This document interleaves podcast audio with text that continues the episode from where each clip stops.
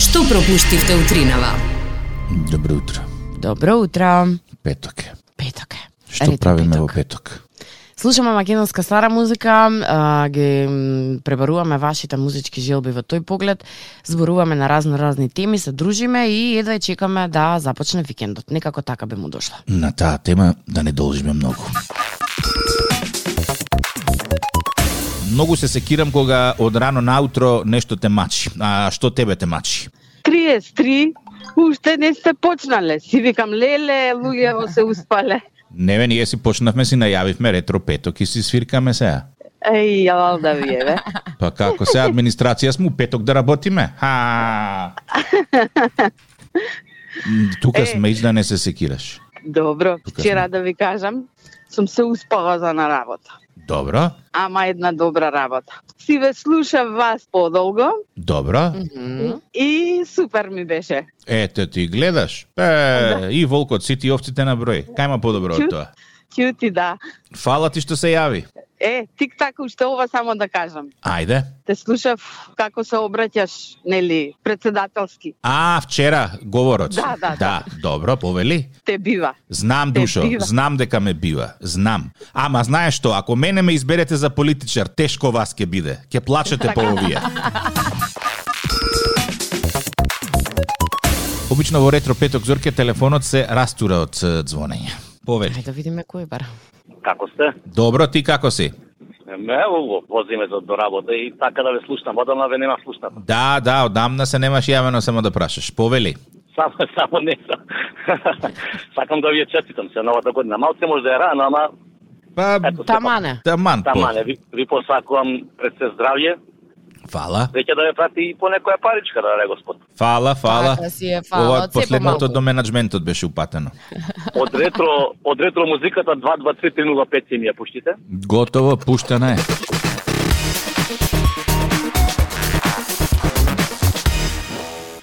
Имам гатанка, ама не знам дали е сега вистинскиот момент или кога ќе ги тераме гатанките пред крај. Па како сакаш, ама може малку да се размрдаме и сега. Мислиш? Па, Еве, Така е. добро. Зошто викенд е именка од машки род? м, затоа што така е граматички исправно, не ја знам, не го знам одговорот. на Не, ова. еве, размисли, зошто викенд е именка од машки род? не знам. Жалам искрено, колешке, времето истече. ту- Одговорот е? Таман ќе почне и оп, готов е.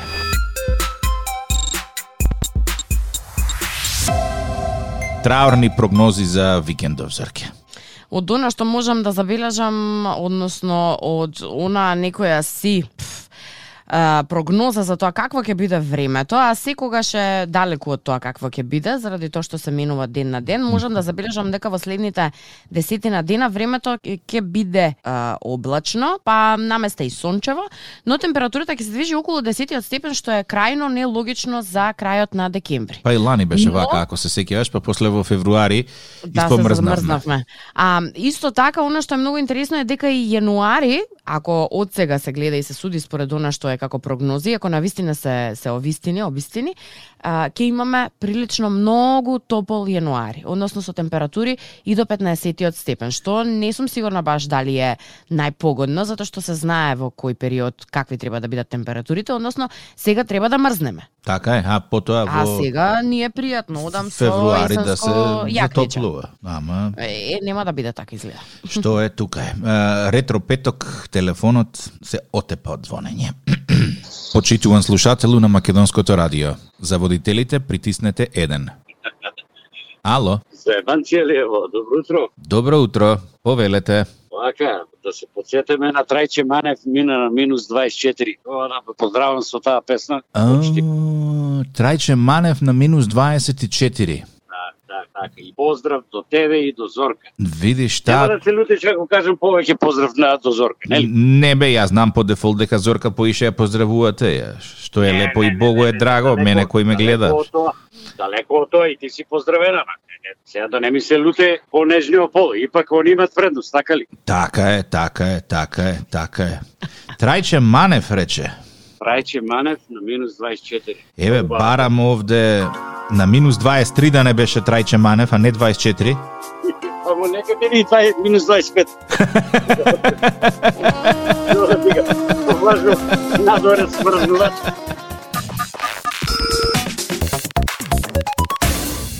Повели.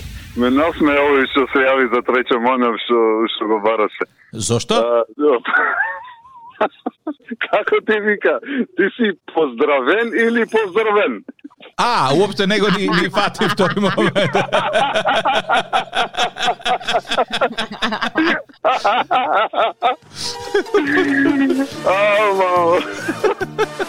Ајде убав ден, дечки.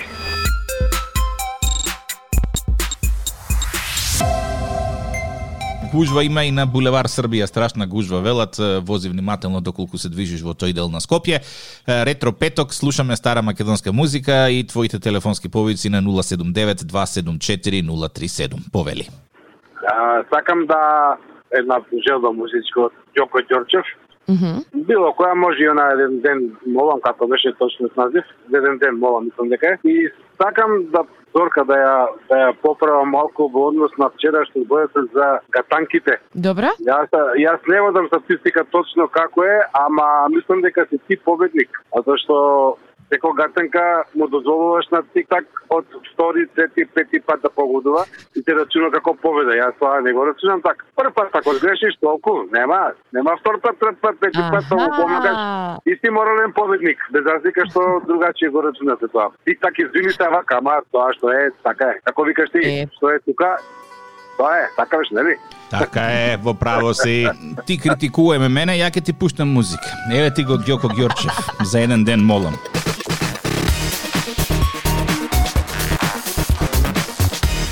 Магливо утро, гужва низ е, сообраќајниците секаде низ главниот град, магла низ Македонија, апел да возиш е, внимателно и слушателна линија. Повели. Е, поздрав, е, е, мислам дека е, си спомнувате кога се јавив едно време да ви предложам да посветите внимание на македонската забавна музика и после тоа се оствари еве го ретро петоков кој прекрасно е, одекнува кај публиката луѓето се желни да слушаат своја рок музика и воопшто македонска забавна имаме прекрасен фестивал Макфест кој е нашиот Е, е, з- замисли сега, само мала дигресија. Ме замоли ретро петок, ја ти го исполнив. Замисли што се може да исполнам ако мене ме доведете власт да бидам во оваа Па држава. сигурно, слушај, ти си популарен и Зорка како тандем нема збор. Јас имам некогаш забелешки кога веројатно не треба многу да се посвети внимание на некои не да така инспиративни слушатели, но ќе правите селекција. Како и да е, водите сметка за е, за тоа да ја популаризирате музиката а, а, и дури до менаџерскиот тим предлог и вие ќе им сугерирате еден ден да да има 24/7 на македонска забавна музика, ретро од некогаш и сега. Зорке, ако некојаш решиме да се активираме политички, овој ќе ни ја пишуе кампањата. Може, да договорено. Ми се допаѓа како звучеше сето тоа.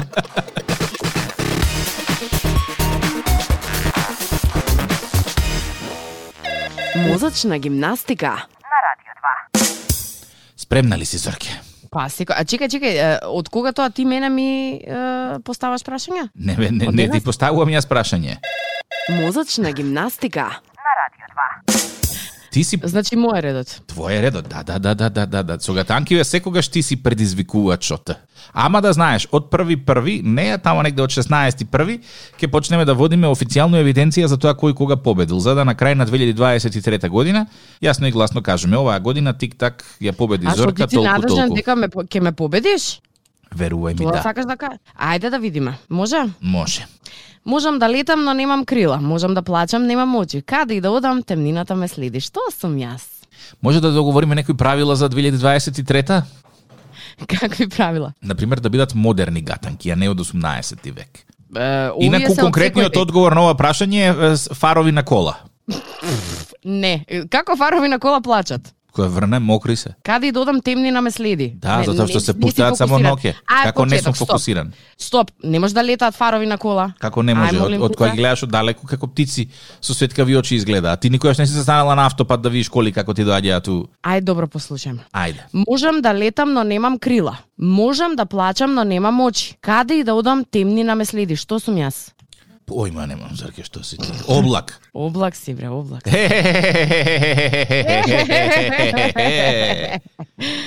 Е, Е, Добро. да. Друго? Сакаш уште една? Сакам. Хм, ајде. А, чекај. Како, се, како беше она од слушател? А, како се вика?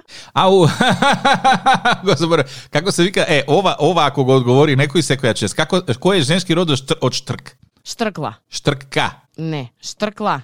Е, Дечкото рече ке части пастрмајли ако некој погоди, така да е, женски род од штрк. Н- Нема да веруваш, ама го гуглам. Не, мислам дека нема да го најдеш, тоа е како овца. Една е овца, дали е машка? А, Овен е однака машки од овца. Не, ама женско од штрк. Штрк, штркла, штркка, штркица, Штркка, Штрчка. штркица. штрчка. Штрчка. Штрчка е малечко од штркот. Бебето штрк. Еве не знам. Ама еве ви една а, загадка за сите вас. Одговорите ќе ги очекуваме во сандаче дали на Facebook или на Instagram. Како се вика женско од штрк?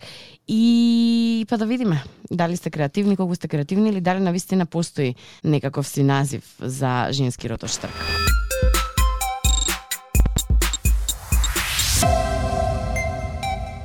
Стаса еден куп коментари на е, прашањето кој е женски род од штрк. И јас наистина не знам кај да почнам. Е, јас ќе почнам, може? Може, цел сум уши. Вели една порака на Миле од Зоран женски род е Зорка, а од Штрк женски род е Штркица. Можно е. Во Струмица велат пак ја фати штрклицата, демек пак бесне. Така што штрклица веројатно е вториот. Павел вели е, штрчица. Зборува и за изгубен Штрчица. идентитет тука, мислам. Ш- Што си? Да, да, да, да. Е, Меѓутоа имам и две прашања кои што би сакала тебе да ти ги поставам, кои што исто така дојде од страна на на слушатели. А тоа е како би се викало машкото од желката. Желк. Желкмен. Желк, ако граматички гледаш, желк. Жел граматички како е? Тој желк, таа Добро. желка. А, Да, а- ајде тој жел како е? Тогаш кажи ми како ќе се вика машко од верверица. вервериц. Вервер е по логично, нели? Вервер многу барбарски звучи. Значи имаш верверица и вервер, не оди вервериц, тој вервериц. Вервериц. Да, значи Нема граматички. ни ца да има. Значи а е за Ако- женски род. чекај малку, стоп малку. Ако а, Зоран е машки род од Зорица, значи Зоран нема ца, има Зоран, точка. Значи, така логиката е дека од Верверица, Вервер е машкото, а не Значи, Зорке, Верверица. само ти можеш да земеш нешто така убаво и мило како верверица и да го претвориш во нешто одвратно како вервер. Вервер, варварину еден, верверу еден. Ја, т- А, вервер, абе, за мене вервер е многу тежок збор, како пцовка. Да те нарече Е, некој вервер. е. Уф. Верверичке, ма- верверичке мала, нели? Верверу гаден. А- Бегај. Ајде, ајде вака, машко од зебра. Зебр. Ни, Ја не знам што ме прашуваш работи кои што се општо познати, мислам, ало, согласно... Зебр, така ми рече, да, зебр. да. Аха. Значи, А, согласно, машко- Чекай, согласно чекай, чекай. правилата на македонската граматика, женски род се прави со стварање на а, значи зебр Чекай, станал чекай, чекам зебра со тука. додавање на а. А машко од подполошка? Подполош без орке? Подполош. Па да, Океј, во тој случај женско од фазан. Фазаница, веројатно. фазанка. Фазанка. Да, Фазанка. да. Добро, а од еребица? Еребица е женски род. Ереб. Еребиц. Денес, денес јавно, Еребиц. јасно и гласно, е, пред цела Македонија си кажавме колку поима немаме како се е, машките или женските родови од одредени животни. Многу ви благодарам што е, на таа тема е, сите заедно си се смееме. Воедно многу ќе се извинам за сите тие пораки кои што стасаа со музички желби, а денес немавме нити можност, нити шанса да да пуштиме дел од нив. А, Ви благодарам што не следевте и се надевам дека сите оние песни кои што денес немавме можност да ги слушнеме, ќе останат за следната прилика, а тоа би било следниот ретро петок, односно последниот за 2022. И да тука уште една неправда само да исправам. Машки род од вештерка. Мој Вештер. Вештерк, ако ја следиш граматиката. Како, како? Вештерк, Вештерк. да. Иако тука А, би дебатирал, не е може и да биде сигурно. вештер. С- Вештер е, затоа што Гаргамел, да речеме, е вештер. Тоа е еден го Лошиот превел некогаш и вештар си останало Гаргамел. Те така. молам, во- те молам насмеј се како Гаргамел да го завршим изданието. Не, имам слушател што чека на линија да го заврши А, изданието. ајде, ајде. Повели. Само да ве поздравам, да слушам нонстоп. Убава ви е емисијата, се е тоа најдобро, така и така. Тушковицата mm -hmm. не ме да го стигнеш, не е за да, да го пушташ. Ама кажи нешто што може да го пуштам. Не, кремлесица мрсти, сузејти се. Тогаш ќе почекаш. Ќе почекаш, да, стој. На Радио 2, секој работен ден од 7.30. Будење со Тик-так и Зорка. Во случај на неконтролирано смеење и симптоми на позитивно расположение, консултирайте се со вашиот лекар или фармацевт.